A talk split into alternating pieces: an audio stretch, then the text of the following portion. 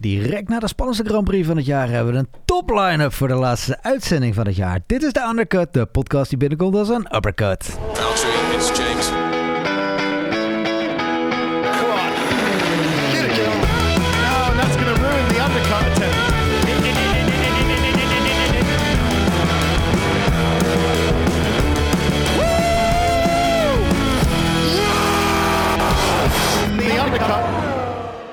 Omdat het vandaag de laatste aflevering van het jaar is, hebben we echt een top line-up samengesteld. Eh, zo zit volledig coronaproof bij ons vandaag in de studio de op één na snelste Max van Nederland, namelijk Max van Splinter. Hey, jongens. En we hebben ook eh, David Plasman natuurlijk, onze e-driver in residence. En nu zit hier nog even Thierry Bakker, maar die wordt zo dadelijk afgewisseld door zijn broer. En het is precies andersom. Shit, niet. even kijken of je wakker was. Eh, ja, jullie zijn broers, weet ik veel. En we hebben natuurlijk een GP-blog Corrivé Maurits Chabot ook erbij, jongens. Maar even eerst eh, ja, de Grand Prix, Abu Dhabi, eh, hoge emoties. Wat, wat is het eerste wat er in jullie opkomt? Ja, McLaren, top. Max, top. Dus eh, ja, het oranje heeft het goed gedaan vandaag. Oranje boven. Ja. Ja, ik ben nog helemaal aan het nastuiteren. Het was echt bijzonder spannend, toch? Ja, oké, daar hebben we eigenlijk ook wel eh, alles meteen mee gezegd. Ja, zoals David al zei, dit was wel het weekend van Max. Ja, mijn weekend. nee, nee, nee. Maxi, Maxi heeft het goed gedaan. Ehm, ja, die, die kwalificatie was natuurlijk top. 25.000 toch nog even voor die Mercedes staan. En eh, wat ze ook zeiden, het, het scheelt 1 meter op de baan met de gemiddelde snelheid die zij daar rijden. Het is echt niks. Ha- Had je het aanzien komen vooraf? Kwalificatie? Ja, nou, hij zat er wel goed bij natuurlijk, bij de vrije trainingen. Ehm, dus in, in, in dat opzicht had je het wel verwacht. Maar je hebt wel vaker dit jaar gezien dat, ehm, dat hij er goed bij zat in de vrije training... en dat hij dan alsnog een paar tienden om zijn oren kreeg van Hamilton of van Bottas.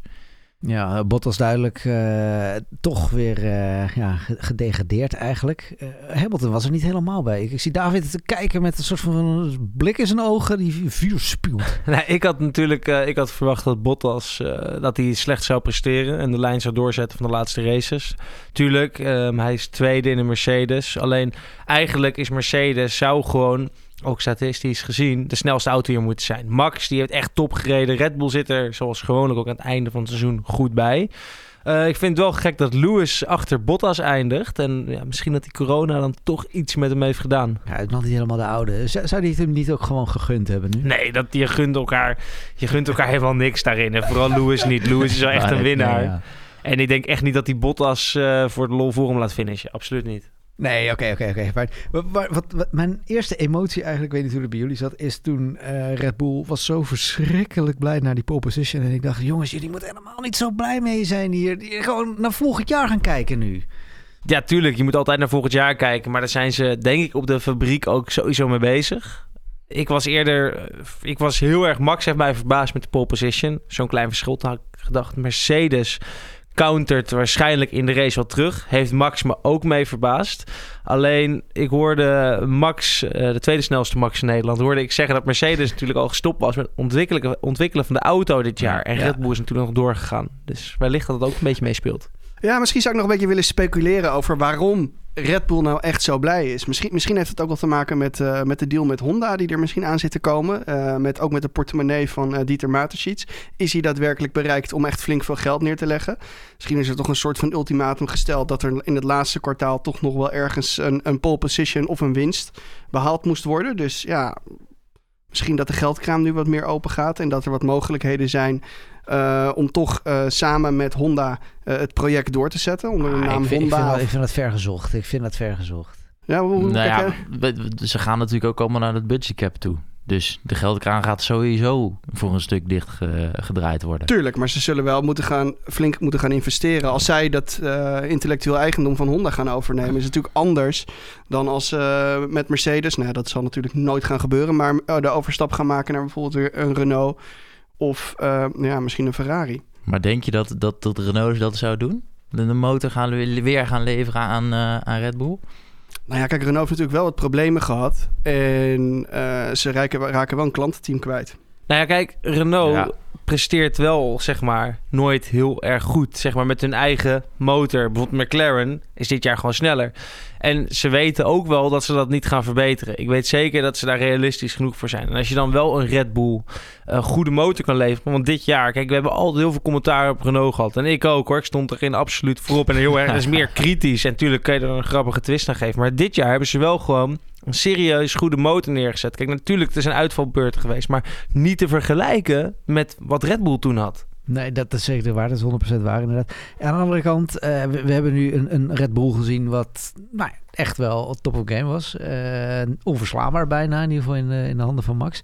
Is, is dit een voorbode alvast voor volgend jaar? Of moeten we gewoon zeggen, nou hartstikke leuk einde dit. Maar, en eh, het, is, het is meer een, een, een doekje om het bloeden te stelpen. Ik denk eerder het tweede dan dat het echt een voorbode is voor volgend jaar. Want als je kijkt naar de historie, ja, die laatste race van het jaar zegt eigenlijk, eigenlijk vrij weinig. Net als de, de, de pre-season test zegt eigenlijk ook niks. Omdat ja, die- die auto's zijn alweer zo ver ontwikkeld. En Mercedes weet toch wel weer iets uit te halen. Als je ook kijkt naar het verschil tussen, hè, tussen Force India of eh, ja, Racing Point. Het team dat het, het- consequent bij de verkeerde naam genoemd wordt. Ja, Force India. De, de, weet het, Racing Point, dat, dat was dus eigenlijk de roze Mercedes. En dat Mercedes toch weer echt zo'n stap heeft gemaakt in de auto. Terwijl ze met dezelfde motor rijden. Ja, dit is ongelooflijk. Wat mij ook wel opviel was, eh, Max leek veel comfortabeler in zijn auto dit dan aan het begin van het jaar. Dus ze hebben wel iets met die aero gedaan. Ja, tuurlijk, maar je voert het hele jaar updates uit. En we wisten dat de auto eh, vanaf de wintertest al heel moeilijk bestuurbaar was. En als je die auto dan meer naar je eigen hand kan zetten, wat Max wellicht gedaan heeft, stabieler kan maken, dan, dan ga je alleen maar met meer vertrouwen in die auto zitten. En vooral vandaag, dan start je al op één. Zelfvertrouwen hoog, je weet dat de auto goed is. Dan, eh, dan zit je er lekker in, ja. Ja. Hey, het is vandaag natuurlijk de feesteditie, dus we zitten hier allemaal met feestmuts op en, eh, en bier in ons hand. Eh, even, heel even toch vooruitkijken naar volgend jaar. Bij de Red Bull lagen vooral de problemen aan de achterkant van de auto. Die was heel, die was heel twitchy.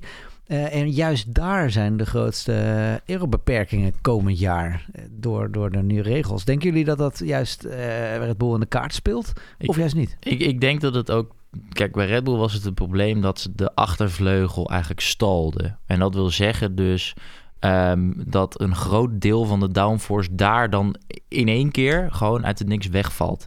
Dus hè, als je een vliegtuig te veel eh, eh, om, met de neus omhoog ziet gaan, dan gaat hij ook stallen en dan valt hij eigenlijk uit Ja, ja, dames en heren, we hebben daadwerkelijk een raketwetenschapper. Nee, het is zonder grappen. Eh, voor, de, voor de luisteraars die Max Splinter niet kennen. Hij is daadwerkelijk ja, student ruimtevaartwetenschap. Lucht- en Ja, ruimtevaarttechniek. precies. Nou, Inderdaad. precies. Dus we luisteren even goed door naar jouw analyse. Sorry. Ehm, dus als zo'n vleugel stalt, dan, ja, dan raak je een heel groot stuk van je downforce kwijt. En daardoor kan, is, zie je dat Max dus gewoon veel meer moeite heeft om op de limiet te rijden. Omdat die vleugel gewoon af en toe hapert in, essentie. Ehm, maar wa- wa- wat het dan misschien volgend jaar zou kunnen zijn, is dat er is minder eh, complexiteit in de aerodynamica, waardoor er, ehm, ja, die, die, die complexiteit zorgt ook voor meer dingen die fout kunnen gaan. Dus ook vaker dat je stal kan krijgen op punten waar je het niet wil hebben. Mhm. Dus ik denk dat het misschien ook een voordeel kan zijn voor Red Bull. Dat er meer regelgeving komt in de zin dat er ook meer voordeel achter uit de auto kan gehaald. Want iedereen, die, die complexiteit gaat naar beneden. En iedereen komt dichter bij elkaar ehm, met betrekking tot, tot, tot ja, eh, eh, kleine vinnetjes daar, vortex-generatoren daar. Ja, ik denk dat het gewoon een stuk beter wordt voor Red Bull. En we hebben wederom een primeur. Het woord Vortex-generator is gevallen in de studio van ik, eh, ik, ik, ik, ben, eh, ik ben echt onder de indruk van wat er hier allemaal gebeurt vandaag. Even terug naar eh, Abu Dhabi. Max zei daarnet direct na de Grand Prix. ja, goed. Er was eigenlijk helemaal niks aan de hand. Eh, het moment dat, dat we over de banden zaten klagen was alleen maar om de anderen even nerveus te maken. Is dit de Max die we willen zien? Nou, maar kijk, eh, allereerst, dat heeft hij van Lewis geleerd. Dat is, die heeft dat al zo vaak voorgedaan. Zo, ja. Ik denk dat iedereen dat nu, elke coureur die er al een paar jaar in zit, die weet dat hij dit moet gaan zeggen. Zelfs iedere fan. Ja. en, eh, Jij Ja. ook op online, hè, David? ik, ja, natuurlijk, absoluut, absoluut. ik, ik doe het altijd als ik, als ik op de fiets hier naartoe kom. Eh, zo, ah, hoe, hoe was het? Nou ja, zo weer links, rechts, links, rechts. Altijd even goed opletten. Ja. Ja, maar goed, kijk, je, je zag bij Max rechtsvoor zag je een klein streepje, maar je weet ook dat dit circuit was zo clean op de banden. Je zag geen gekke strepen zoals op andere circuits. Dus ja, je, het enige voordeel wat je weet is dat Mercedes ja, dat, eh, dat dat systeem heeft. Dat die iets cleaner op de banden kunnen zijn. Alleen ja, op een of andere manier, Max we weten dat hij het kan met de banden. En die had het wel echt voor elkaar. Dus eh, ik vind het heel erg knap van hem dat hij er toch zelf eh, dat dat systeem een beetje kan verslaan. Ook op de harde band, waar Mercedes normaal altijd wel volgens mij de beste op was. Hm.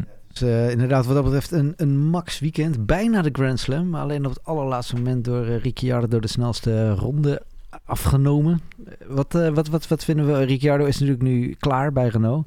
Eh, hebben, hebben we daar een eindoordeel over? Hij heeft Nou, gedaan wat hij moet doen, toch? Absoluut. En Ja. ik denk ook zeker dat hij misschien zelfs meer heeft gedaan dat, eh, dan dat Renault eh, ja, van hem verwachtte. Nou, serieus, die, die Abitibol heeft altijd gezegd van we gaan weer terug naar het podium. Dan vind ik wel dat je eerst even ook naar de auto moet kijken. Eh, want die coureurs die ze in, in, in, in, eh, in de auto's hebben, ja, die, die doen het goed. Eh, Ricciardo vooral. En ja, eh, Ocon natuurlijk vorige week ook. In, in, in de tweede van Bahrein. Ja, toch mooi die tweede plek te pakken. Maar ik denk wel dat, dat Ricciardo blij mag zijn met... Of dat Renault blij mag zijn met wat Ricciardo heeft gedaan. Nou, wat, als we inderdaad ook naar de eindstand kijken. er is een klantenteam van Renault wat hoger is eindigt dan Renault zelf. Dat is natuurlijk op zichzelf wel verschrikkelijk pijnlijk, toch? Ja, tuurlijk. Dat is niet wat je wil als, eh als klanten, zeg maar als fabrikant. Dan wil je altijd dat het klantenteam achter je eindigt. Kijk naar Mercedes. En vandaag zien we gewoon de McLaren op 5 en 6 staan. En Renault die staat zelf op 7 en 9. Ja, dat is natuurlijk niet wat je wil. Dat wil je eerder andersom hebben. Dus ja, dat is wel iets waar ze zelf naar moeten kijken. Dat ik bedoel, McLaren heeft het gewoon wel echt heel goed georganiseerd. En ik denk dat weinig teams het op die manier kunnen nadoen. En ook als je kijkt naar waar, waar ze vandaan komen, die Zack Brown. Ja, mensen maken wel eens grapjes over die man. Maar het is wel echt hoe hij, het ja, hoe hij de organisatie heeft neergezet met die Seidel. Dat is wel echt iets waar heel veel teams wat van eh, kunnen leren. Ja, Ferrari ja. bijvoorbeeld. Organisatie is inderdaad eh, op zichzelf al een, eh, een edelstreven. McLaren kunnen we natuurlijk volgend jaar wel echt wel wat van verwachten met die Mercedes motor erin. Hè? Zo, ja, dat, dat, dan gaan we weer terug naar de tijd waar Lewis eh, in die McLaren Mercedes zat. Ja, dus ik hoop dat dat wel weer wat voor meer spektakel... En ook een derde team die gaat vechten voor podiumplekken. Ja, want wordt dit een grote bedreiging voor Red Bull, denken we? Ik denk eerder voor Ferrari. Ferrari, die, die hebben ze al Maar verslagen. Ja, ja, dit jaar al, toch? Met de Renault-motor. Ja, maar ik zie toch Ferrari zie ik volgend jaar nog wel eh, eh, toch wel weer een terugkeer in ieder geval naar de top maken. Biedt, de, biedt de, de, de gewone burger wel hoop. Hè? Volgende keer als je dan in je Renault aankomt rijden bij een stoplicht... en je staat naast een Ferrari. dus, eh, ja. Ja, maar goed, kijk, als we, als we de geruchten mogen geloven, eh, Ferrari is bezig om Andy Cowell binnen te halen van Mercedes. eh, de, de, het, genie achter de, de, de, de Mercedes motor. Ehm, ja, ik denk dat we daar op zich nog wel wat van kunnen gaan verwachten. Maar ja, McLaren's ja, is er gewoon volgend jaar. Die, die staan er gewoon helemaal klaar voor. Die zijn er helemaal klaar voor. Ehm, daarnaast eh, komt net een eh, nieuwtje binnen. Hey, dat is wel nieuws. mooi als we direct na de race eh, opnemen. Helmoet Marco maakt bekend. woensdag presenteren wij de rijder voor Alfa Tauri. En met betrekking tot Red Bull gaan ze nu eigenlijk even de data vergelijken. En dan zullen ze na voor kerst zullen ze bekend gaan maken wie er gaat rijden. Welke bij data, welke data zouden ze precies gaan bekijken? Ja, dat is een goeie. ik, denk, ik denk gewoon de rondetijden van Albon en, en Verstappen. Want als je in het eerste gedeelte van de race verloor Albon denk ik een seconde per rondje. Zou er niet een zekere Mexicaan misschien ook nog wat rondjes mogen maken in de simulator bij Milton Keynes? Nou ja, wat, wie gaan er rijden voor in de... Want volgens mij komen de, de, de testdagen, eh, die komen er nu ook weer aan. Dus junior waar Stoffel en Nick in de Mercedes gaan rijden, ben ik benieuwd. Volgens mij gaat Tsunoda in de Alfa Tauri rijden, maar wie gaat er dan in de Red Bull rijden? Ik geloof dat er naast Tsunoda bij Alfa Tauri nog een eh, Japanse coureur gaat rijden. Bij Red Bull ga ik eens even voor jullie kijken. Ik zou zeggen, praat door. Ja, ik ga het uitzoeken. eh, Red Bull inderdaad, goede vraag. Wie gaat ernaast rijden? Ik dacht is het dat niet alleen Buemi- Max? eh, Puemi dacht ik dat die weer eh, in zou stappen. Dat is wel een grote kans als reserverijder. Maar dat ja, zou toch ook wel mooi zijn inderdaad. Ik moet heel eerlijk zeggen, die, eh, ja, we zijn ondertussen heel snel tussen het nieuws aan het, eh, aan, aan, aan het springen. Want we zitten dus direct na de Grand Prix en het nieuws komt ook direct binnen. Eh, Max, heel even leek het alsof het de, de safety car daadwerkelijk route in het eten zou gaan gooien voor het, voor het, plan, het strijdplan van Max. Eh, dat is geneutraliseerd door direct naar binnen te gaan. Wat, wat, wat, dacht jij op dat moment op de, in de race? Ja, ik dacht op dat moment, weet je, het was een rondje of 15 wat ze hadden gereden, of uh, 10 hadden ze gereden eigenlijk. Um, ja, dat was wel vroeg om al naar binnen te gaan voor de mediumband. En uh, ja, kijk, als je vooraan rijdt, moet je natuurlijk het risico nemen of je gaat of niet. En dan kijkt of de, of de rest het ook doet. Nou, in dit geval, toen Max ging, gingen de, de hele top 5 naar binnen. Dus iedereen ging dubbel stekken. Um, ja, dat heeft uiteindelijk heel goed uitgepakt. Maar ik dacht nog wel van ja, als uh, er nu eentje niet naar binnen gaat, dan heb je misschien wel kans dat, dat je toch wel weer dat podium misloopt. Nou ja, achteraf gezien kunnen we wel concluderen dat, zeg maar, stel hè, een Bottas of een Hamilton was niet naar binnen gegaan.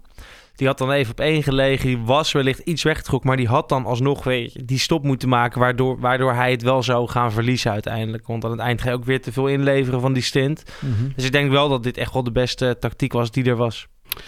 En eh, toch nog heel eventjes terug naar Albon. Uh, ja, wat, wat, wat kunnen we nou nog van deze jongen? Wat kunnen we er nog van zeggen? We hebben het hele jaar in deze, deze ruimte al uh, zeg maar, een bak uh, gal over Albon uit te starten. voor de allerlaatste keer, wat kunnen we met deze jongen?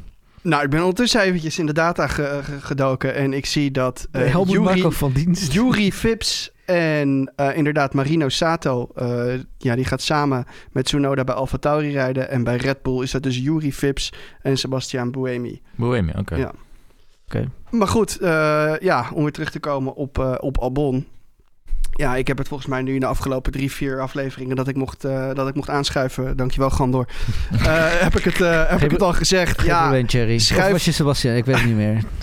ik ben nog steeds Sebastian. Okay, maar okay. Schuif, hem, schuif hem aan de kant. En ik heb volgens mij ook een aantal afleveringen geleden gezegd... de keuze tussen een Hulkenberg en een Perez... ja, dan, dan, dan moet het wat mij betreft gewoon Perez worden. Nou, ik vind het wat ik een beetje vind. Kijk, we hebben het vorig jaar over Gasly gehad. En uh, dat was niet goed. We hebben het nu over Albon. Dat is niet goed. Die hebben het allebei in die Alfa Tauri slash Toro Rosso echt goed gedaan. Dat moeten we niet vergeten. En ja. is het dan echt zo dat die allebei die coureurs zulke grote koekenbakkers zijn? Want sorry, kijk, je finisht weer zo ver achter die teamgenoten. Dus bij allebei, iedere keer ziet het er gewoon heel slecht uit. Is het dan dat, dat ze echt slecht zijn? Of is het gewoon Max die meer uit de auto haalt? Want als je even terugkijkt naar de kwalificatie... Max die hem voor de Mercedes zet... dat is eigenlijk heel ongebruikelijk. Stel je zet nu twee... Ik noem wat, een Norris en een Sainz zet je in die Red Bull. Presteren die hetzelfde als Max? Dat is een beetje waar je een vraagteken, vraagteken bij neer moet zetten. Want ja, ik vind het wel lastig oordelen als je het bekijkt met Sainz... en misschien dat een Perez ook... of met, uh, sorry, Gasly... maar misschien dat een Perez wel ook wel heel erg tegenvalt. Ja, wat ga je dan doen? Want dit kan je niet blijven doen. Ieder jaar een coureur vervangen. Want je bouwt er ook niks mee op. Nee, dat is inderdaad 100% waar. En dat is natuurlijk ook het enige argument dat echt voor Albon spreekt. Laat die jongen nou gewoon zitten, want uh, een alternatief is ook niet heel veel beter. Nou, nee, ja. Het is niet goed, toch? Nee, ja, kijk, weet je, um, ik denk dat, dat, ja, ik heb het wel eens eerder gezet. Ik denk dat Max Verstappen gewoon een teammate killer is. Weet je, iedereen die naast Verstappen gaat zitten, die wordt spontaan onzeker, omdat hij kan toch zo die auto naar zijn hand zetten, wat de rest toch niet kan. Misschien zijn Albon en, en, en Gasly op dat punt toen ook meer rijders die vanuit een, een engineer gemanaged moesten worden. Dus hè, dat de engineer zegt van oké, okay, we gaan dit en dit en dit doen. Waar Max tegen zijn engineer zegt van ik wil dit van die auto, regel dat. Ja, maar is het ook niet een stukje ervaring? Want ik bedoel, een Ricciardo, ja, die werd op het einde natuurlijk ook wel uh, ingemaakt door Verstappen, maar hij werd er niet echt letterlijk afgereden. Nou, niet ingemaakt. Ik had toevallig deze week heb ik voor een, uh, voor een, uh, ja, een discussie met iemand had ik de statistieken erbij gepakt. Als je dan naar 2018 kijkt, dan kijk even naar de kwalificaties. Nou, dan pakt Max gewoon, ja, het is in de 2018 hè, met Ricciardo 7 in het voordeel van Ricciardo, 14 in het voordeel van Max, kwalificatie. Dan hebben we 2017, heeft, Max, heeft Ricciardo er echt meer ervaring natuurlijk is het 6 voor Ricciardo in de kwalificatie, 14 voor Max. Dus ik denk dat, uh, dat ja, wat Max nu net zegt, hij is echt een teammate killer. En Ricciardo kon daar nog mee omgaan. Die ja. kon dat. Maar die minder ervaren jongens, die toch al wat minder bewezen hebben in de Formule 1, die hebben het gevoel, ik moet me nog bewijzen. Dan gaat het alleen maar meer tegen je werken. Ja, die, die gaan alleen maar meer naar de data kijken van waarom kan ik niet zo hard door die bocht heen als dat hij dat kan. Ja, en, maar goed, verwachten we nog iets van Al- Albon? Het, het is nog niet helemaal duidelijk of het nou wel of niet doorgaat. Maar met, wat, wat verwachten wij ervan? Last words? Ik- Ik denk dat hij niet gaat verbeteren in de zin van op, op korte termijn dat hij max resultaten kan gaan evenaren. Dat denk ik. Oké, en dan wil ik even de grote faal van Ferrari bijna, het- bijna het verhaal van het jaar. We zijn bijna vergeten hoe treurig de Ferrari heeft gepresteerd. Hè?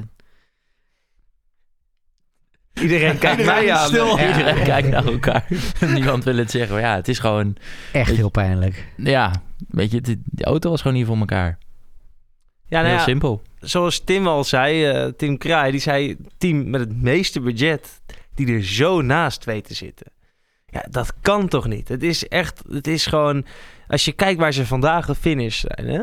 Dat, dat is gewoon niet Ferrari waardig. Het liefst doe je dan geen interviews meer, pak je je spullen, ga je terug naar Maranello en dan ga je met allen aan die auto's staan, staan bouwen en die ontwikkeling doen. Want er moet, ik denk dat ze er volgend jaar ook gewoon niet bij staan. Volgend jaar staat McLaren met die Mercedes, die staan voor Ferrari. Mhm. Red Bull gaat er geen competitie krijgen van ze. Ik denk dat Ferrari eerder gewoon eh, naar, naar Racing Point moet kijken. Want die zullen ook nog wel lekker door gaan ontwikkelen met ik Aston wil- Martin straks. Ik, ik wilde zeggen, dat wordt nog veel, veel pijnlijker als Vettel straks met die Aston Martin voor Ferrari gaat staan. nou, dat zou ik Ja. hem van harte gunnen. Ja, je, je moet, je moet ook even je naar de eindelijk een auto situa- heeft die voor elkaar is. je moet ook even naar de, naar de situatie natuurlijk kijken. Ehm, Ferrari begon dit seizoen natuurlijk met een flinke achterstand. Doordat er eh, ja, eh, mogelijkerwijs met, de met de motor is gesjoemeld. Oh, Ehm, maar je, goed, je- dan kijk je ook nog eens naar het chassis en dat is ook gewoon ruk. En dan vervolgens zie je één coureur die gaat wel redelijk. En de andere coureur, viervoudig wereldkampioen, die, die rijdt als een natte krant in die auto. Dus er, is daar, er zit daar iets compleet mis in de dynamiek binnen het team. En misschien een beetje speculaat. Denk je dat er ook verschillende onderdelen op Oh, de zeker. auto van Leclerc en Vettel zitten? Oh, dat denk ik wel. Als je ook net eh, na de race was er een kort interview met Vettel. Dan zie je hoe Vettel eh, eh, terugblikt op het jaar. En ook in zijn boordradio die expliciete monteurs bedankt. Maar het management eigenlijk een beetje buiten beschouwing laat. Ja, dan kun je eigenlijk wel stellen dat er gewoon, toen Leclerc werd doorgeschoven, dat er een duidelijke koerswisseling is geweest. Ja. En dat het gewoon eh, alles op Leclerc was. En Vettel eh, die eh, werd langzaam richting Mm. de achterdeur, eh, achterdeur geduwd. Ik heb die discussie met Tim gehad. En ik denk zeker dat er andere onderdelen op zitten. Alleen niet al meteen toen Leclerc binnen werd gebracht. Vettel die heeft zelf ook echt zijn steeks laten vallen. Die heeft niet goed gepresteerd in de eerste instantie.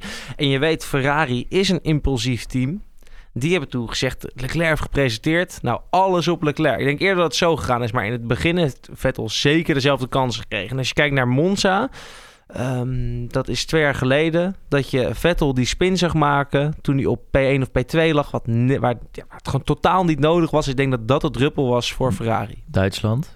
Duitsland inderdaad was ook vrij slecht, maar dan is regen, dan, kan het nog gebeuren. hè. Maar Monza is voor Ferrari Nee, maar zo'n d- nee, nee, belangrijk dit, was, dit niet Duits, de Duitsland daarvoor.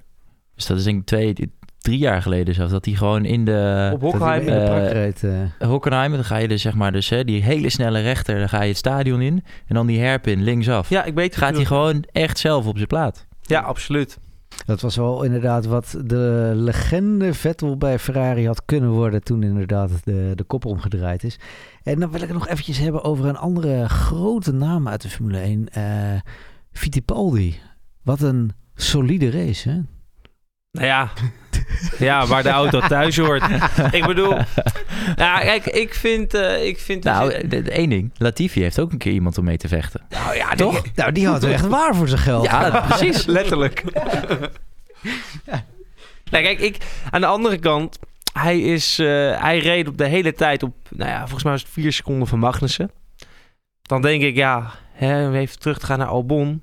Die reed ook best wel, die reed eh, 18 seconden achter Max op een gegeven moment. Ik wil niet zeggen dat hij het goed doet, alleen het is niet bijzonder slecht. Want in die haast, dat is wel echt, echt een hele slechte auto hoor. Wel een hok. Nog erger dan de Williams en dat zegt genoeg. Maar Die, die gaan we dan denk ik niet meer terugzien in 2021. Hè? Wat, Haas of Eh, Fittipaldi? Fittipaldi.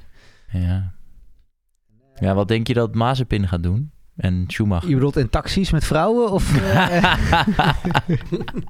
Nou ja, kijk, mag Grosjean wel. zorgde voor spektakel, hè? Maar ik weet niet of jullie vorige week de Formule 2 hebben gezien met eh, onze Ja. vriend Maaspin. Ja, ja. Maar ik kan je vertellen, het spektakel dat Grosjean kan leveren aan ons, Dat kan Mazepin ook. En dan is misschien nog wel beter. Ja, het is gewoon echt een ultieme bad guy. Het wordt een beetje Mad Max op de baan eigenlijk. Het is nog net niet dat er van die punten uit die haas moeten gaan steken. en dat hij iedereen eraf gaat rammen. Ja, nee, ja. Hij is, afgelopen week is hij eh, veelvuldig in het, eh, in het nieuws eh, geweest. Hij heeft zijn verontschuldiging aangeboden. De dame in kwestie heeft gezegd dat er niet zoveel aan de hand was. Nou, ja, hoe dat precies in elkaar steekt, daar, daar zullen we waarschijnlijk nooit achter komen. Ik denk dat het iets te maken heeft met een, met wat, met een zak geld misschien. ja. Ehm, Misschien ook een biertje hier en daar. ja, dat zou ik zeker kunnen. Maar ja, goed, we krijgen in ieder geval wel een, nou ja, om het maar voorzichtig te zeggen, een kleurrijk figuur krijgen we, krijgen we terug. Even terug inderdaad, ja. Over kleurrijke figuren, kleurrijke Russen gesproken. Eh, ja, Kviat is eigenlijk wel nu geruisloos eh, aan het einde van zijn Formule-carrière eh, beland, hè? Ja, Ja. maar ja, dat weet je. eh, hij is uiteindelijk elfde geworden. En Gasly is achtste geworden. En het liefst heb je dat hij daar direct achter staat. Ik Maar- vind Fiat niet eens heel, heel slecht hoor. Bestaat er nog een kans dat Fiat toch wel blijft? Want het is nog niet zeker. Het is nog niet zeker dat hij, er, dat hij, dat hij gelupt wordt. Nou ja, misschien gaat Tsunoda... Vol ik, ik, kijk, ik, wat, wat ik wel zie gebeuren is dat Tsunoda volgend jaar eh, als eerste in die eh Alfa Tauri zit naast Gasly. Maar ja, goed, we hebben ook wel een beetje gezien in de afgelopen jaren hoe Helmut eh, Marco... ja, Maar Zouden ze die definitieve keuze voor Tsunoda niet ook een beetje gebruiken als een eh, bargaining eh, chip bij, bij Voor Honda? Honda. Ja. Tuurlijk, want Ja. daarom zit er ook nog een tweede Japanner. Zit er. Nu eh, rijdt hij bij de Young Drivers Test mee. Maar goed, mocht Tsunoda het helemaal eh, verknallen... ja, dan eh, zal ik Fiat mogelijkerwijs wel weer instappen. Tenzij die nu Halverwege echt het een- jaar? Ja, wie weet. Tenzij je die echt een keer de eer aan zichzelf houdt... en denkt van, eh, bekijk het allemaal. Ja. Welke, welke eer. Ja. er is wel altijd heel veel gezeur om Fiat, hè. Maar ik- tuurlijk, als coureur maak je fouten. Ik bedoel, kijk naar Leclerc vorige week. Kijk ook kritisch naar Max in het jaar 2018. eh heeft hij ook al wat foutjes gemaakt. En Fiat, ja, het is geen topper. Zoals een Max, zoals een Leclerc, zoals een Russell. Dat is het niet. Maar het is wel een hele solide coureur voor de middenmoot. En vorige week, wat er gebeurt, of wat er, wat er op Bahrein gebeurt is vorige week... Dat is totaal niet zijn fout. Bij Stroll wilde hij misschien iets te veel. Alleen als Stroll die bocht zeg maar gewoon ietsje zwaarder had genomen... had Fiat die plek toch niet van hem gepa- gepakt. Want je weet dat die exit dan helemaal rot Ja, is. heb je, heb je zeker een punt. Ik vind, een punt. ik, ik, zou, ik vind het wel terecht dat hij in de Formule 1 blijft. Als je kijkt dat er een Mazepin en Latifi, dat dat allemaal binnenkomt. Ja, ja, ja. Hey, en eh, heel even de naam Russell. Die hebben we nog helemaal niet besproken vandaag. Eh, vorige week natuurlijk de man van het weekend. Eh, en nu? Nou ja, Ja, Williams, hè? Ja, precies. Ja, maar dit is het gevoel dat je zeg maar dat je, dat je al je leven lang een Porsche hebt gehad. Nou ja, dat je leven lang een, eh, een hele oude eh, Toyota hebt gehad uit het jaar 1980. En je stapt ineens even in een Porsche GT3. En dan een week later mag je dan in rijden. En een week later dan moet je weer terug, terug in je oude hok. Ja, dat, dat is deprimerend. En dan kan je jezelf... Maar dat laat je ook zien. Je kan in die Williams niks laten zien. Dat is gewoon het, onmogelijk. het, het, het rare wat ik dan wel vond, was... Hij reed ook maar op vier seconden van Latifi. Dus ook niet heel veel. Hij reed er niet echt van weg. ja, viel me ook op. Valt Ja. me wel tegen, eerlijk gezegd. Maar wat, je, wa- wa- wat het ook was, want in een, eh, in een interview had ik gehoord dat hij zei dat, weet je, het hele proces is zo anders weer in zo'n Mercedes. Om dat dan weer terug te switchen naar je Williams. Het is wel een bepaalde vorm van hè, muscle memory, maar Nou, het is ik kan- wel weer kan- een grote stap. Ik kan me er alles bij voorstellen, want bij, bij Williams is natuurlijk... Oké, heb ik mijn schroevendraaier meegenomen? heb ik mijn gereedschapskist? En bij Mercedes hoef je alleen maar je laptop mee. Alleen je helm en dan ga je zitten. Ja, Een beetje arrive and drive. Nee, maar ook, ook, eh, ik bedoel, dat wordt natuurlijk wel voor hem natuurlijk sowieso wel lastig volgend jaar. Ja, wat ga je doen? Ja, wat ga je doen? Nou, dat, kijk, het- als hij het zelf voor het zeggen had, dan zou het een stuk makkelijker zijn. Alleen, probleem is dat er voor hem wordt bepaald. En er zijn geen opties. Ja, Lewis heeft zijn contract nog niet verlengd. Dat is wel interessant, hè? want daar horen we niemand over. Iedereen denkt maar, Lewis ja, die gaat volgend jaar gewoon door. Nou, tot nu toe, we hebben het laatste race gehad, het is nog niet verlengd. Kijk, ik denk dat hij gewoon in die Williams blijft zitten. Maar als het aan hem ligt, zit hij liever in zo'n Racing Point. Daar, volgend jaar is natuurlijk Aston Martin. Alleen hij heeft geen keus. Hij heeft Nee. 0,0 keus. Nee, dat is eh Hij zit koning gewoon Toto eh, die dat beslist. En Hamilton staat ook op de entry-list hè, voor volgend jaar. Hoewel ja, Rosberg natuurlijk heeft aangetoond dat dat niet zoveel hoeft, eh, hoeft uit te maken. Maar goed, hij, hij staat er wel op voor volgend jaar. En ja, als we even heel eerlijk zijn, je gaat toch niet zomaar een zevenvoudig wereldkampioen zijn uh, banen ontslaan. Nee, maar als, als zelf ook. Met de kans dat je volgend jaar die achtste gewoon ja, met twee vingers in de neus binnenhaalt. Dan denk je toch, daar ga ik toch gewoon voor. Ik denk overigens wel dat ze gewoon nu wel een beetje kunnen onderhandelen over het contract. Van, hé, hey, vriendelijke vriend Lewis.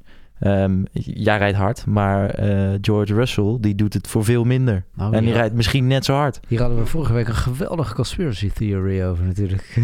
Van je oud-concurrent Luke. Oh. ja, zeg eens wat naars over die. Nee. nee, grapje. Mannen, uh, we hebben het al lang niet meer over Abu Dhabi. We zou bijna vergeten zijn dat, uh, dat anderhalf uur geleden de laatste Grand Prix van dit jaar is geëindigd. Max, je final thoughts over Abu Dhabi, deze Grand Prix? Um, de eerste vijf rondjes dacht ik wel echt van dit wordt een, uh, een treintje rijden. Um, wat eigenlijk ook in principe is gebeurd. Um, ja, weet je, het is leuk dat er uh, de safety car kwam die iets van spanning bracht van gaat Max nog steeds weg kunnen rijden? Ja, dat is gegaan. we hebben hem volgens mij het hele race niet meer in beeld gezien. De Mercedes ook niet, want die zijn gewoon eigenlijk bij elkaar. En het, het, het, spannendste was toch wel het middenveld, die een beetje gingen vechten om posities. Mm -hmm. maar ja, weet je, uh, verder niet veel beleving. Na de paar knotsgekke races van vorige... Uh, weet je, als je naar Turkije kijkt, Bahrein 2... Uh, en, en, en, en dat soort races, dat wil je eigenlijk hebben. Ja, ja, ja, dus eigenlijk een typische Jasmarina Grand Prix, zeg je ja, maar. helaas wel. Ja, en uh, David, jij? Ja, ik sluit me volledig bij Max aan uh, eigenlijk. Hoe dan? De, nou, Sebas, jouw, jouw final thoughts voordat je wordt afgewisseld uh, in, deze, in, de, in deze studio? ja. ja. Hey, Beetje emotieloos. Ja, nee, dat ja is, dat, uh... dat, dat, meer kan, kan je er toch niet van maken. Het is Beetje eigenlijk... cola zonder prik. Ja, Gewoon, ja net het niks. is, het is een beetje de herhaling van wat we ieder jaar zien, toch? Uh, ik, ik, zou zeggen, gooi... Ik, ik snap uh, Abu Dhabi en het, het, moet erop wegens sponsorverplichtingen. Maar maak er dan een hele happening van en doe het midden in het seizoen. En doe dan gewoon even een Bloed tof, heet. Doe dan even een toffe race gewoon op het einde van het seizoen, weet je wel. Eruit met een knal. De Joker Lab. We kunnen misschien de Joker Lab Ja. in, Abu, in Abu Dhabi invoeren. Oh ja, eh, luisteraars, we hebben misschien nog een stelling voor jullie bedacht. Eh, we hebben bedacht dat er per land eh, kan gekozen worden wat voor gekkigheid, gekke jokers er in een, tijdens een race kunnen worden ingevuld. Dus bijvoorbeeld dat Rusland kiest dan voor de olie op de baan of eh, Nederland kiest dan voor iedereen verplicht een pitstop. Eh, wat denken jullie ervan, eh, lieve luisteraars? Is dat een goed idee? Heel klein beetje Formule E-concept. Ja, Nou ja. weet, je, weet je dat Mario Kart gevoel? Weet je wat het is? Het is één, één race leuk en daarna is deze sport waar zoveel geld in omgaat, gewoon Dat totaal niet niet, normaal, ja. meer serieus nemen. En ook niet meer aantrekkelijk voor fabrikanten, zeg maar. Nee, nee, dat, dat is het inderdaad natuurlijk. Die, Dan krijg je een beetje de André van Duin achteruitrace, caravan race. De- da- daar zou je dat best kunnen toepassen, ja. Ja, inderdaad. Inmiddels eh, schuift bij ons aan in de studio eh, niemand anders dan eh, Maurits Chabot. Mocht de naam Chabot je bekend voorkomen, nou, dan, dan heb je daar helemaal gelijk in. We zijn er vandaag namelijk achter gekomen dat deze man niet minder is dan de zoon van Bart Chabot. Eh, ik ga dan meteen eventjes met, eh, met de deur in huis, eh, Maurits. Ja. Hoe, hoe, hoe is dat nou om de, de zoon van Bart Chabot te zijn? Ja, dat is een enorm grote schoen om te vullen, natuurlijk. Zware Nou, klus. Je, je bent ook vrij lang, dus dat werkt wel. Ja, nee, het is. het is grappig dat je het vraagt. Ik heb eigenlijk, er werd gevraagd op de redactie hier of, het, of je dan nog een beetje volgt, zeg maar, het, het seizoen. En het was eigenlijk dat, dat ik met mijn vader. Kijk, waarom volgde ik überhaupt de Formule 1? Dat kwam via hem. Ik bedoel, ja, dat had ik niet zelf ontdekt toen ik een, een jaar of zes was. Er waren eindeloze zondagmiddagen. Dan moest je eerst de afwas doen op zondagochtend. Dan had ook de zaterdagavond diner had er nog gestaan. En zaterdagmiddag brunch en ontbijt. En ook vaak vrijdag nog, Oh, stampot was het, was het zo'n huishouden? Dus, ja, precies. En dan moest je zorgen dat je op pol stond zondagochtend. Dat je de afwas gedaan had, zeg maar. Dan kon je om tien over twee kon je aanschuiven bij, bij eh, vadertje lief. Eh, niet op schoot, maar eh, naast hem op de bank. en die traditie hebben we voortgezet dit jaar. Dus ik was natuurlijk ehm, eerder betrokken bij de podcast, maar eh, dit jaar niet. Maar ehm, ja, het was wel, het was wel bijzonder ook. Dit jaar eigenlijk elke zondagmiddag vaste, vaste prik met mijn vader de Formule 1 kijken. Ja, thuis in Den Haag, waar wij allebei wonen. Ja, het toont natuurlijk ook wel de status van GP-blog. Eh, bij Ziggo zit Hein Otterspeer en wij hebben niemand minder dan Maurits Chabot. Ja, nou, dat is... ik weet niet of dat... ik, weet dat jullie, ik denk dat jullie heel sterk zijn op jezelf. Ik weet niet of dat aan mij eh, daar heel veel aan toevoegt. Maar het is leuk om er weer te zijn. Dat wel in elk geval. Nou, het is geweldig om jou eh, te hebben op deze studio. Juist omdat ik een beetje ook op jouw plek zit eh, hier eigenlijk. Als ik Ja. het fout doe, dan moet je me vooral onderbreken. Ik steek zo meteen drie messen in je rug. We zijn hier in Amsterdam-Noord, dus ik heb natuurlijk mijn steekvrije fles eh, Ja, ja, vanochtend natuurlijk. De- de eh, drill rap, hè? Ja. Hey, eh, ik wilde eigenlijk even door naar de, naar de what the fuck van, eh, van de week. Eh, maar dat wordt eigenlijk de what the fuck van het jaar. En ja, we hadden het er vandaag al eventjes over. Er is een, eh, een groot coureur heeft vandaag afscheid genomen van de Formule 1, eh, namelijk eh, Grosjean. Eh, wat, wat zijn de, de hoogtepunten van Grosjean in, in, eh, ja, in de Formule 1? 2012, Spa. Zijn vertrek. Twee weken geleden. Ja, gaat de wereld over. Nou ja, kijk, hij heeft echt wel hele, heel veel fouten gemaakt. En dat kan. En, maar toevallig zei Rijkoon in een interview van... Ja, Grosjean... de- Grosjean of is altijd vrij kritisch hè, en is niet snel Ja. onder de indruk. Nee. Die zei wel over één ronde was Grosjean echt een hele sterke rijder. Alleen het probleem is, ja, leuk, Een die race snelste 50 ronde. rondjes. Precies, het gaat om de race. Daar, daar wordt het geld verdiend, zeg maar. Eh, Daar gaat het om de punten. En daar heeft hij zo vaak fouten gemaakt. Te vaak. En vooral voor een team als Haas. Waar geld gewoon heel belangrijk is. Het is er niet, weet je, in overvloed zoals bij een Red Bull, Mercedes. En hij heeft daar zijn races gewoon niet constant uitgereden. En ik denk ook dat Haas geen hele goede stap heeft gedaan met de nieuwe coureurs. Gelukkig brengen die wel geld binnen. Maar zonde dat, eh, dat Haas heeft gedaan. Maar wel goed dat Grosjean afscheid neemt van de Formule 1. Want ik vind het gewoon geen goede coureur. Nee, nee, dat is, heb je afgelopen jaar meermaals eh, duidelijk gemaakt. Denk je dan dat hij beter zou zijn? Want eh, ik trek hem dan even naar de GT-sport. De ADAC GT Masters staat erom bekend dat er veel geramd en ge- gerost wordt. Zou Grosjean, Grosjean er dan daar wel uitkomen? Nou ja, Half uurtje rijden, is Ik- niet te lang. ik denk dat het niveau eh, in die GT-auto's daar dusdanig hoog is... dat hij daar niet vooraan mee gaat rijden. Nee? Nee, dat deed ik zeker. Ik denk echt dat hij, zeg maar, hij is altijd formuleauto's. Ik denk niet dat hij daarin vooraan eh, mee kan rijden. En vooral als er gebeukt wordt, je weet dat, dat hij emotioneel is, dat hij daarop reageert. En dat moet je daar juist niet hebben. Dan gaat het juist fout. Maar je kan wel iets meer met, hè, met de auto dan met zo'n Formule 1-auto. Kijk, als je daar een keer net even over de banden heen gaat, dan doet hij het echt niet meer. En met zo'n GT-auto is het, ja, je kan nog wel een beetje leunen en, en hier en daar wat, wat, wat geks doen met die auto, wat heel snel kan zijn. Want ik, ik, heb wel eens onboardbeelden gezien van, van eh, eh, een Lamborghini fabrieksrijder. Die ging in, eh, in Brands Hatch, Paddock Hill Bend. Dat is een hele snelle rechte bocht. Die valt heel erg naar beneden. Die stuurt in. En die heeft eigenlijk onderstuur. Die geeft vol gas. En die gaat in één keer van het gas af. Waardoor die auto ineens iets geks doet. Een, een, een stap zet, roteert. En hij kan weer vol gas de bocht uit. Dus eigenlijk een hele bizarre rijstijl. Heel agressief, maar wel heel snel. Nou, een bizarre rijstijl kun je Grosjean niet ontzeggen in elk geval, toch? Nee, precies. Maar daarom denk de ik dus dat als hij in een GT-auto gezet wordt... misschien bij de ADAC GT Masters... dat hij daar toch wel vooraan zou kunnen rijden. Ik weet het niet. Ik hoop, ik hoop juist alleen maar dat hij, zeg maar, en ook voor, voor mij, dat hij mensen kan verbazen. Want mensen hebben nu al echt een heel negatief beeld over hem. Hè? En Ja. ik bedoel, ik- we kunnen er echt om lachen, maar het is niet leuk. Je wil gewoon dat iemand er goed uitkomt. En hij komt er niet goed uit. En dan heeft hij echt helemaal aan zichzelf te danken. Dus ik hoop dat hij het tegendeel eh, kan bewijzen. Ja. Ja, dat, dat eh, hoop ik ook hopen. Eh, maar toch denken we bij, eh, bij eh, Grosjean toch meer aan de dieptepunten dan aan de hoogtepunten, toch? wat, wat was zijn domste crash, jongens? Ik, ik wil toch even zeiken nog. Eh, wat was zijn domste crash? Achter de safety car. Was dat eh, Abu Dhabi of... eh, Max- Nee, dat was Baku. Baku, ja precies. Ja, ja. Ni- Baku. Niets aan de hand. Of, wat denk je van eh, Silverstone, de pitch uit? Wat is het, vrije training 1 altijd of lastig. 2? Ja, ja. Weet je, de- ook op een, op een punt waarvan je denkt van, dat gaat helemaal niet. Ja, natuurlijk ook eentje is, is Spa, dat hij eh, o- over Hamilton heen vloog. En eh, tegen Charles aan, die toen nog in de Sauber reed. Of was het Hamilton die tegen Charles, Charles aankwam? Nou, ze vlogen in ieder geval op elkaar. Ze vlogen op Ja, ja. elkaar, iedereen eh bocht één. Bij die start vertrok iemand trouwens anderhalve seconde eerder. Hè? Ja, die dacht, ik, ik wil een, een rondje aan de leiding laten liggen. Het is moet mijn- gewoon gebeuren. Dit is mijn dag. Eh, eh, inmiddels overigens ook aangeschoven in de studio is de echte Thierry Bakker. In eh, tegenstelling tot zijn broer Sebastian Bakker, die vorige keer werd uitgemaakt voor Thierry Bakker. Ik wil het zeggen, ga je het nu wel goed hebben. Eh, ja, Fritsie Bakker, leuk dat je er bent.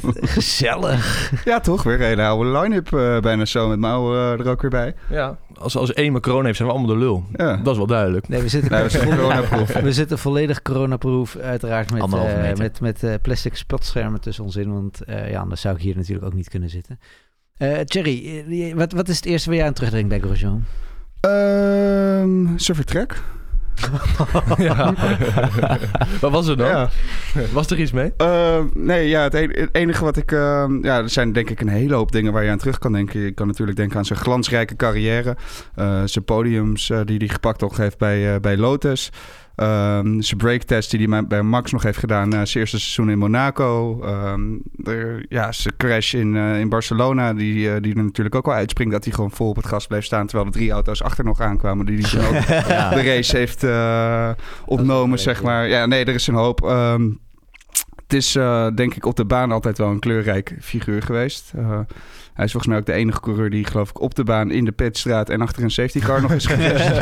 Ehm, maar ik denk dat het ook lullig is om een heel, hele opsomming van al zijn crashes te doen. Ik denk dat die jongen eh, op zich wel talent heeft. Alleen dat hij gewoon op hele rare momenten wist te pieken. En op andere momenten er gewoon echt helemaal nergens was. En soms in zijn piek ook gewoon nog op zijn plaat gaan. Want ik kan me nog herinneren dat hij in een haas in Q3 eh, stond in Paul Ricard. Dus gewoon eigenlijk in zijn thuis Grand Prix. En in zijn rondje waarin het echt moest gebeuren op zijn plaat gaat. Ja. En het is ook op plekken waarvan je denkt van ja, weet je, je bent nu aan het pieken. Je moet nu echt. Maar dan zie je denk ik ook wel dat hij zo erg op de limiet en net erover rijdt. Dus ook eigenlijk echt het uiterste uit die auto haalt. eh, en ook moet halen. Ja, dat, ja, dat is eh, denk ik inderdaad een beetje de opsomming van, eh van Grosjean. Alleen ja, gaat hij er dan vaker denk ik echt eh, overheen. dan dat hij daaroverheen dan dat hij het echt onder controle heeft. Ja.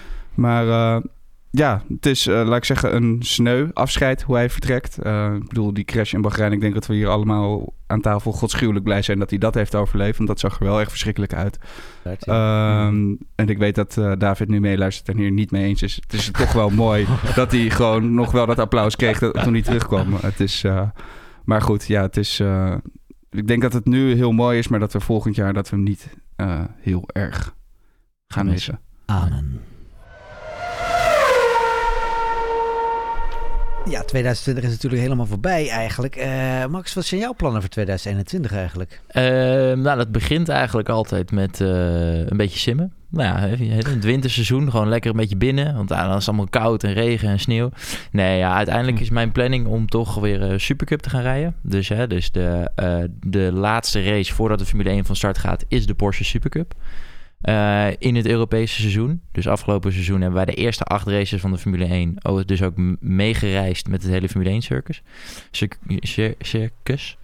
Ehm, en dat proberen we dus volgend jaar weer eh, voor elkaar te krijgen met, eh, met de partners. En daarnaast nog een ander kampioenschap. Of het is de Career Cup Benelux of Career Cup Duitsland. Dat eh, moeten we nog een beetje kijken hoe dat past en, en gaat in de kalender. Ja, afgelopen jaar was natuurlijk eh rookie kampioen. Dat kan volgend jaar logischerwijs niet meer. Nee, Eh, nee. eh, hoe is de ambitie dan? Zeg je dan van dan ga ik gewoon echt voor het kampioenschap? Ja, nou ja, kijk, weet je, afgelopen jaar, ehm, ook door corona, zijn er een aantal echt sterke rijders ook uitgevallen. omdat zij hun, hun sponsoring niet rond konden krijgen. En volgend jaar komen we ze met de nieuwe auto. Dus de 992 Cup, die is gisteren, gepresenteerd, nee, ja, gisteren gepresenteerd door Porsche. En ik denk dat dat ook wel weer voor zorgt dat het eh, een heel stuk hele goede rijders aantrekt. En dus, dus mijn ambitie zal niet meteen eh, zijn om voor het kampioenschap te gaan, maar wel om weer op dat podium te komen. Ja, Eh, en niet één keer, maar misschien toch twee of, of drie keer. Ja, inderdaad. Thierry, heel eventjes over GP-blog. Dat doen we eigenlijk nooit. Maak, maak eens een beetje reclame voor, voor de site. Hoe, hoe is het afgelopen jaar voor jullie geweest? Ehm, ja, uiteindelijk eigenlijk heel erg, heel erg goed. Ehm, ja, dus ik denk zoals heel veel eh, ondernemers begin dit jaar zaten met de coronacrisis, dat je toch even billen knijpt. Maar eh, nee, uiteindelijk ja, met het turbo-seizoen wat we gehad hebben, want we hebben natuurlijk eh, uiteindelijk 16 races gehad in een periode dat je, dat je normaal nooit hebt. Normaal gesproken begin je in maart, nu begonnen we pas in juli. Uh, is het eigenlijk voor ons heel goed gegaan. We zijn alsnog gewoon weer doorgegroeid. Uh, we zijn nu gewoon weer heel hard op weg om, uh, om ook gewoon volgend jaar weer door te groeien. En ja, ondanks dat het wel heel lang op zijn gat heeft gelegen, want we hebben zeven maanden natuurlijk geen Formule 1 ge gehad, is het daarna eigenlijk gewoon we de boel weer kunnen oppakken zoals we eigenlijk het in, in februari al wilden doen. Uh, nou, daarbij zijn we ook vier jaar geaccrediteerd geweest. We zijn aan de wintertest geweest. Nou, COVID heeft helaas uh, ervoor gezorgd dat de journalisten dit jaar niet aanwezig mogen zijn. Maar goed, dat, uh, daar hopen we in ieder geval dat dat volgend jaar in ieder geval ook weer kan veranderen. Dat we daar ja, dat we daar ook wat uh, meer uh, vette content ook omheen uh, kunnen gaan maken. Ja, dus... precies. Want de, de, de VIA-accreditatie is een heel belangrijk onderdeel natuurlijk. Zeker, zeker. En dat is ook iets wat je ja, niet makkelijk krijgt. Je moet daar een bepaald ja, volume voor gebruikers hebben. Nou, dat, dat hebben we gelukkig allemaal. Je moet ook bewijzen dat je genoeg eigen content eromheen maakt. Nou, dat, dat hebben we ook gedaan. We zijn ook aangesloten daarvoor bij de Nederlandse Sportpers. Um, en uh, ja, dat hele, dat hele plaatje hadden we, uh, hebben we al rond in principe. Het is nu alleen wachten tot ja, de maatregelen het ook toestaan dat je echt weer kan reizen. En dat het überhaupt ook verantwoord is om weer echt uh, daarheen te gaan reizen. Ja. Hey, Maurits, wat was voor, wat jou betreft echt de man van het jaar in de Formule 1 afgelopen jaar? Um, nou, de, de, het heel logische antwoord zou zijn Hamilton. Um, misschien toch even in serieuzere noot Romain Grosjean eigenlijk wel. En, en, en aan de hand van Grosjean de veiligheid van de Formule 1. Jij stipt eigenlijk aan, Thierry. Maar de veiligheid van de sport. Romain Grosjean zal toch denk ik onthouden worden als de man die, die, die bewees hoe belangrijk die halo is. En hoe, hoe waanzinnig die veiligheid in die sport is. En dat raakt ik aan de kern van Formule 1 seizoen dit jaar, namelijk coronaveiligheid. Dat de hele wereld stond stil, maar Formule 1 ging door. En dat is natuurlijk wel een sterk, sterk staaltje. Dat hebben die jongens wel goed voor elkaar zo mooie woorden. Hoe, hoe, kijk jij er tegenaan, Max? Nou ja, absoluut. Uh, ik denk natuurlijk veiligheid zeker een, uh, een van de belangrijkste dingen waar Formule 1 ook aan heeft gewerkt de afgelopen jaren. ook zeker na de crash in, in Spa van vorig jaar, waar ze in de Formule 2 iemand verloren hebben. Um, en ja, dat, dat Grosjean deze crash dan kan overleven, is toch wel echt een, een puntje van, van topwerk wat ja, ze eigenlijk doen. Bijna een mirakel inderdaad. Want als je dit, als je dit vroeg had gehad, dan, dan, dan was hij gewoon ja, echt plat. Ja. Hij was gewoon plat. Absoluut, ja. De mannen achter de organisatie. Dus als je, als je, wie is de man? Eigenlijk de man achter de baan. De, de, de veiligheidsmedewerkers en de, en de marshals enzovoort. De, de mensen van de VIA eigenlijk. Precies, ja. ja wat ik ook nog wel bizar vind... is dat je dit jaar ook uitgerekend dit jaar... Uh, die, die racepakken van een nog beter en brandveiliger materiaal hebben gemaakt. Um, nou, ik denk als je ziet in wat voor barbecue Romain heeft gezeten... met wat voor brandwonden hij uiteindelijk ervan afgekomen is... is dat echt, echt bizar te noemen. Ja. Met... Ja. Uh, en, en wat, wat, wat we er natuurlijk denken, ze zijn brandvrij, maar ze zijn niet hittebestendig. Dus uiteindelijk die brandwonden, die komen gewoon eigenlijk niet per se doordat je je handen in het vuur hebt, maar doordat de hitte gewoon ja, je huid gaat verbranden. En um, ja, het, het, weet je, ik, eigenlijk wel een grappig voorbeeld. Bo van Ervedorens, die heeft het vorige week geprobeerd om zijn hand in, een, uh, in het vuur te steken met zo'n handschoen aan. En die heeft nog steeds, die heeft het vijf seconden gedaan en die had een hele rode hand, verbrande hand. En dat komt puur omdat die hitte natuurlijk wel er doorheen gaat, mm -hmm. maar het vuur niet. Dus je krijgt niet meteen die uh, verbranding van de huid, maar wel die, die opwarming wat eigenlijk blaren kan veroorzaken. Mm -hmm. En daarom zie je dus ook dat die Grosjean gewoon die, uh, die, die brandblaren heeft op zijn handen. Wat, wat, was voor jou, wat was jouw moment van het jaar? Ja, uh, moet ik wel even goed denken. Ja. We, uh, Vraag ik me eerst even aan Jerry. Ja. Die denkt niet zoveel namelijk. nee, ik praat meer inderdaad, Gander. Dankjewel. Gelukkig weet ik wel het Warm verschil tussen mijzelf en mijn broer. Maar... hey, hey, hey. lijken ook zo elkaar. um, mijn moment van het jaar. Um, ik, ik vind het een hele lastige, omdat ik denk dat we dit seizoen sowieso best wel getrakteerd zijn op eigenlijk een hele hoop leuke races. Ja. De open, openingsrace was eigenlijk al spectaculair. Gewoon vooral omdat ja, er is zeven maanden niet geraced. En nou, normaal gesproken, Albert Park is echt ja, niet, uh, niet het beste circuit zeg maar, om het seizoen mee te starten. Maar um, ja, de Red Bull Ring was verrassend leuk. Uh, met alles wat er misging. En, uh, maar ook, ook de races daarna in Groot-Brittannië waren leuk. Met de bandenchaos. En vervolgens de race die Max daarna gelijk weer erop wint. Eh, alle nieuwe circuits waren voor mij eigenlijk ook wel een hoogtepunt. Ehm Mugello met name vond ik sowieso qua, qua look en hoe het eruit ziet... Vond echt een prachtig circuit in de race. Uiteindelijk was het ook gewoon spectaculair met ja, die chaos tijdens die herstart. En ja, er zijn gewoon eigenlijk dit jaar heel veel races die, eh, die te benoemen zijn. Er is niet echt één waarvan ik denk, oh, die sprong er echt uit. Zelfs, zelfs Bahrein eh, was nog wel een avontuur. Ja, Ja.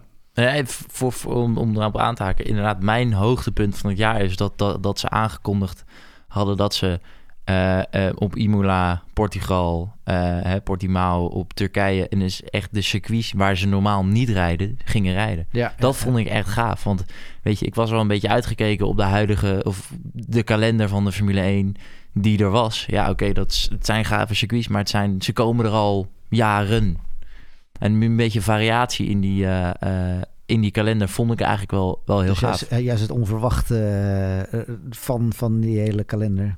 Ja, dat Coronakalender. vond- Ja, de coronakalender De vond ik eigenlijk wel heel gaaf. Weet Ja. je, die, die eerste acht races waren, waren leuk. Maar daarna begon het juist op, ja weet je, eh, Imola ook. Weet je, ze hadden één vrije training. Ja. En toen moest het gebeuren. Hm. Ja, vooral ook dat de circuits er eigenlijk totaal niet op voorbereid waren. Ik bedoel, wat je in Istanbul Park hebt, dat ze uiteindelijk gewoon snelwegasfalt er neerknallen, waardoor die banden totaal niet op te warmen zijn. En Geweldig. Portimao hetzelfde met die chaotische openingsronde die je had, dat die McLaren ineens op P1 lag. En een Nürburgring die eruit ziet als een knollenveld. Ja, nee, Ja. ja. het, is, het, het is wel inderdaad een seizoen, denk ik, ehm, los van zeg maar dat je allemaal nieuwe races hebt. En dat het eigenlijk een heel raar seizoen is geweest. Is het wel een, denk ik, voor de sport en voor de fans die, die nu ook aanhaken. Want dat worden er ook steeds meer door, door de promotie Liberty erin. eh, Door GP-blog natuurlijk. Uiteraard ook, uiteraard ook. Wij, eh, wij leveren daar ook eh, een belangrijke bijdrage in. Maar wordt het wel steeds eh populair? En ik denk iedereen die dit jaar heeft aangehaakt... dat die niet denken... of dat die een stuk minder in ieder geval hebben... ten opzichte van de vorige seizoenen... dat het heel saai of heel voorspelbaar is. Want ik bedoel, we hebben voor het eerst... geloof ik nu 14 verschillende coureurs op een podium gehad... en vijf verschillende Grand Prix winnaars. Dus ja, wanneer is de laatste keer dat dat echt gebeurde... in het hy- hybride tijdperk? ook Twee, niet. twee first-time win- winnaars. Ja, ja. En, en gewoon twee podiums waar, was het, Mercedes helemaal niet op stond? Of was dat, vorige week stond Mercedes er wel op? Ja, in ieder geval met motoren Eh, ja, in ieder altijd. geval de motor. Nee, ja, maar ik bedoel qua Mercedes AMG F1, zeg maar. Dus Lewis of eh Valtteri. Rijden die nog mee dan, Mercedes? nee, maar weet je dat, dat eh, vorige week dat Perez won, Ocon werd tweede en... Eh, Nee, en, en, en, en ehm, Stro- Stroll 3. Stroll, ja, Stroll Ja, ja, precies. Dus daar heb je, heb je een podium waar geen enkele hè, hoofd Mercedes op stond. En natuurlijk in, eh in Fiat Monza. die won. Of eh, Gasly. Gasly won. ja. Ja. Maar 2-3 zou ik niet paraat hebben eerlijk gezegd. Nee. Ja, Maar en- Sebas, misschien dat eh, als je meeluistert. Luister je ook. De Luistersman. En, en toch moet ik heel eerlijk zeggen dat eh, voor mij is het moment van het jaar eigenlijk ook gewoon het feit dat Lewis Hamilton zo ontzettend op de bres is gesprongen, in de bres is gesprongen voor waar hij in gelooft. Eh, dat hij zijn superster status heeft waargemaakt door niet alleen zichzelf, maar ook zelfs een hele team te bewegen in een bepaalde richting. Dat hij een boodschap wil uitbrengen. Nou, en natuurlijk ja. is het een beetje een irritante, irritante knakker af en toe... die zichzelf ook wel heel erg speciaal vindt. Maar hij gebruikt die speciale status wel om eh, iets, iets meer, iets groters uit te dragen... dan alleen maar zichzelf. Zeer terecht punt hoor. Zeker. Ja, en, en in het begin toen hij, toen hij daarmee begon, dacht ik van... oh jeetje mina, krijgen we dat... Ge... Maar eh, ik, uiteindelijk denk ik nu erop terugkijkend... eh, eh, het is fantastisch geweest dat hij dat doet. Hij durft. Eh, hij laat zien dat hij groter is dan zichzelf, wat dat betreft. En het heeft ook wel een van de best uitziende Formule 1 auto's aller tijden opgeleverd. Hoe vond je die van, eh, van vandaag dan? Met, met al die witte namen eroverheen. Ja, ik vind die eh, designers van Mercedes zijn echt geweldig. En dan heb ik het even over de grafisch designers, niet zozeer de autodesigners. Want wat, je, wat, je, wat ze eigenlijk proberen te doen is dat je nu het zilver weer een beetje terug in die livery krijgt. Eh, alsof, de, alsof de zwarte lak weer een beetje afbladdert en teruggaat naar, het- naar de zilveren. Tenminste, zo zag ik het er. De Eh, overgangs, Weet je wat ze, eh, wat ze hadden geprobeerd in, eh, in Hockenheim vorig Ja, jaar? ja, precies. Maar wat toen, Toen alles eh, misging. Ja, toen echt alles misging. Dat was geluk. Dat was geluk. toen, toen het geluk ook al afbladderde. Van, eh, van het team. nou, ze hebben Ja. daar nog een mooie herhaling van gehad dit jaar. Maar Ja, wat en, fijn. en natuurlijk nog steeds die prachtige Niki Lauda-ster op die auto. ja, dat vind, ik, dat vind ik vooral echt een heel mooi symbool. Dat je gewoon één zo'n rode ster hebt. Zeg maar het, het vaste baken van Mercedes. Wel, eh, jarenlang die gewoon toch nog eh, voortleeft. in het team en op de wagen. Ja, ja, absoluut. Ben ik helemaal mee eens.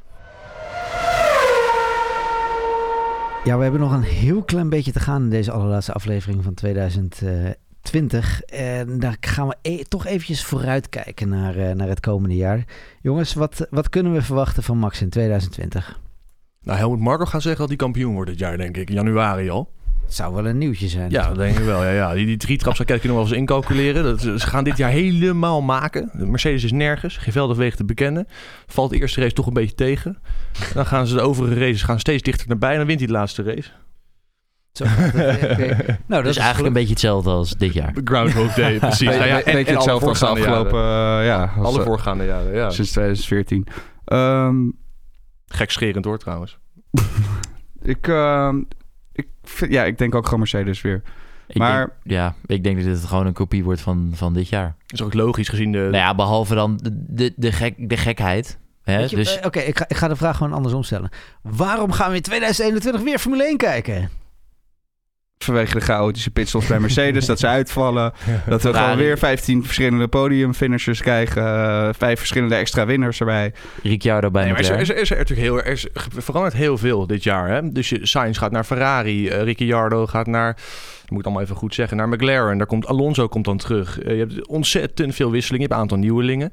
Heel benieuwd nog steeds wie, wij, wie eh, Max naast zich krijgt in Red Bull. Eh, gaat Ferrari toch een beetje het beste beentje bijzetten? Komt die, die, die eh, hoe heet die gast nou? Eh, Mazepin? nee, nee, die, eh, die eh, engineer van Mercedes bij Ferrari en gaat het zo aan de dijk En die zetten. kou, ja. Dus er zijn toch wel wat veranderingen die... En, ja? het belangrijkste, we hebben weer een M. Schumacher. Ja, Ja. komt weer een Hoe, ga- Schumacher. hoe gaat hij Ja. het doen? Ja, inderdaad. En natuurlijk deze ook. Dol op Lance Stroll. Ja, naast een viervoudig wereldkampioen mag hij zich eindelijk testen. Ja, Ook Ja, waar voor zijn papa's geld.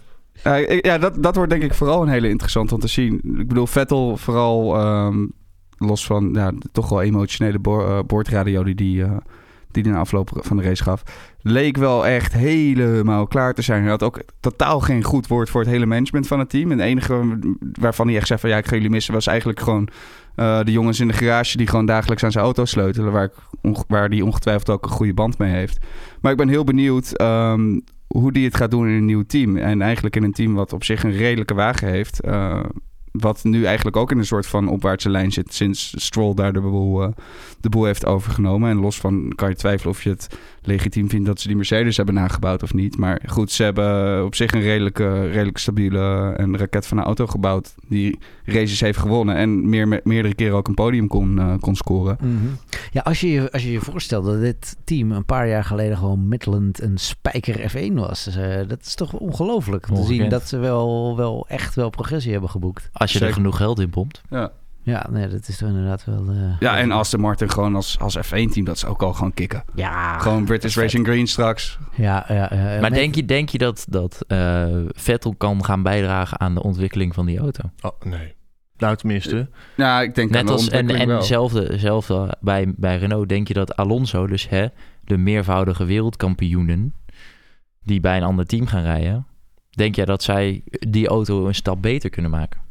Eh, nou ja, kijk, we hebben natuurlijk ook meerdere dingen. We hebben ook het budgetcap wat er, eh, wat er ingaat. En je krijgt natuurlijk ook eh, een soort van dynamisch, eh, ja, ik wil zeggen tarief, maar een soort van dynamisch regeling rondom het gebruik van je die, wind. vra- die vraag stelt hij toch helemaal niet? Nee, maar daar, wil ik, daar kom ik nu heen. Kijk, je hebt nu wel, ik denk dat, scherpe. Laat ik zeggen, ik denk dat de coureur nu wel belangrijker wordt. eh, of gaat worden aankomende jaren in de ontwikkeling van de wagen ten opzichte van het team. Want nu kunnen teams ongelimiteerd gewoon, gewoon geld spenderen, de grootste fabrieken bouwen, de beste gasten aannemen. Dat kan straks minder. En dan moet- komend jaar ook nog. Dat is pas volgend jaar pas. Dat het niet door. Dat het niet. eh, Nee, budgetcap wordt volgend jaar Per geïntroduceerd. deze winter al. Ja, vanaf volgend Oh, jaar echt? wordt er een bud- budgetcamp eh, geïntroduceerd.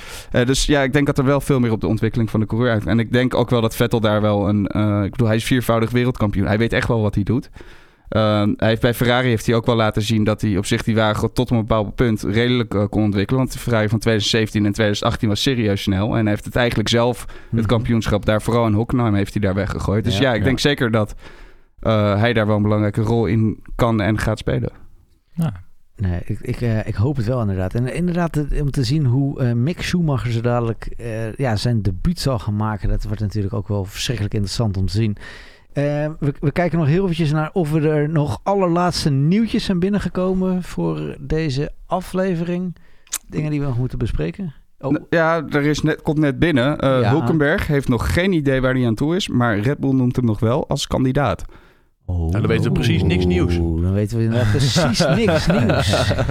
Hey, Max, even terug. oh, Ja, Wacht, sorry, er kwam even een razendsnel. Ja, ik ben Formule één door. Ja. ik heb natuurlijk een jaartje eruit gelegen, dus ik merk jullie veel sneller zijn. Die auto's zijn weer verbeterd. Nee, Max, jij stelt de vraag of die wereldkampioenen, eh, Alonso en eh, Vettel, of die gaan bijdragen aan de ontwikkeling van de auto. Ik denk als ik Vettel zie rondrijden dit jaar, absoluut niet. Maar jij hebt de meest verstand ervan. Wat- Wat denk jij zelf? Hoe zou je je eigen vraag beantwoorden? Ik denk het wel. Want als jij als ervaringsdeskundige, wat zij toch al zijn, ehm, in een auto gaan zitten, die weten precies wat ze van een auto willen en hoe ze snel moeten gaan met een auto. Waar iemand die net eh, de Formule 2 uitkomt, of die al wel wat heeft gereden, eh, maar eh, Stroll, die, ja, die, is, die is heel goed, maar die moet nog wel denk ik, wat ervaring hebben om dan uiteindelijk precies te kunnen zeggen hoe je een auto moet ontwikkelen. Ik denk dat die jongens, omdat die ook al voor verschillende teams hebben gereden eh, en ook veel verschillende auto's hebben meegemaakt, ehm, wel kunnen zeggen van oké, ik wil dat van een auto. En ik denk dus dat dat zeker eh, in, in het geval van Alonso en, en Vettel, dat die kunnen bijdragen aan de ontwikkeling van de auto. Hm, En ehm, ja, weet je, nog, de budgetcap maakt het nog moeilijker om te gaan testen. Je mag al weinig testen. Dus je moet alles op de simulator doen. En die momenten die je op de baan hebt. En dan is dus echt dat gevoel en die ervaring van, van groot belang. Oké, oké. Nou ja, wat gaan we beleven dan? Ferrari had er niet heel veel aan, aan Vettels ervaring afgelopen jaar. Nee, inderdaad. Maar ik denk ook omdat die hele organisatie bij binnen Ferrari eh, eh, gewoon niet klopte. Weet je, toen, toen Ross Brawn er nog zat, toen ging het allemaal goed. Toen werd het allemaal goed geregeld zoals eh, ja, op de Engelse manier. En nu gaat het toch een beetje op de Italiaanse manier.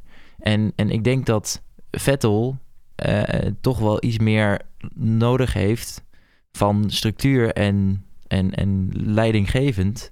Eh, of en, en mensen die bij de leidinggevende functies gewoon goed presteren. Cultuurclash qua Duitser en eh, Italiaans. ja, eh. en ik denk dat Duitsers toch wel iets meer met de Engelsen overweg kunnen. Hm, hm, hm. Oké, sorry, Gandor. eh. Nee, ik, eh, ik, ik, ik zit, ik zit ge- genoeglijk te luisteren inderdaad naar, eh, naar deze voorspelling inderdaad. Ik denk dat we zo nog wel heel erg lang door kunnen gaan. Maar wacht even, wacht even. Ja, daar kwam hij weer. Ja, ja daar kwam hij nu echt voorbij. De, de Dit V-team was- van Alonso. Ja. Dit was alweer de allerlaatste aflevering van dit jaar van... De undercut. Heel goed, dankjewel. Oh, je zat, je zat serieus ook te wachten tot iemand hem af ging maken. Nee, ik dacht voordat ik het weer allemaal fout doe inderdaad. Nee, dit was de twintigste aflevering van de Kut van dit jaar. Ik dank hem wederom de geweldige gasten die we hebben in deze studio. Waaronder de op één na snelste Max van Nederland. En natuurlijk ons GP-blog Corrivé. Eh, hartelijk dank voor het luisteren. eh, en eh, ja, als je tot zover bent gekomen, geweldig. Dankjewel. Dat allemaal goed.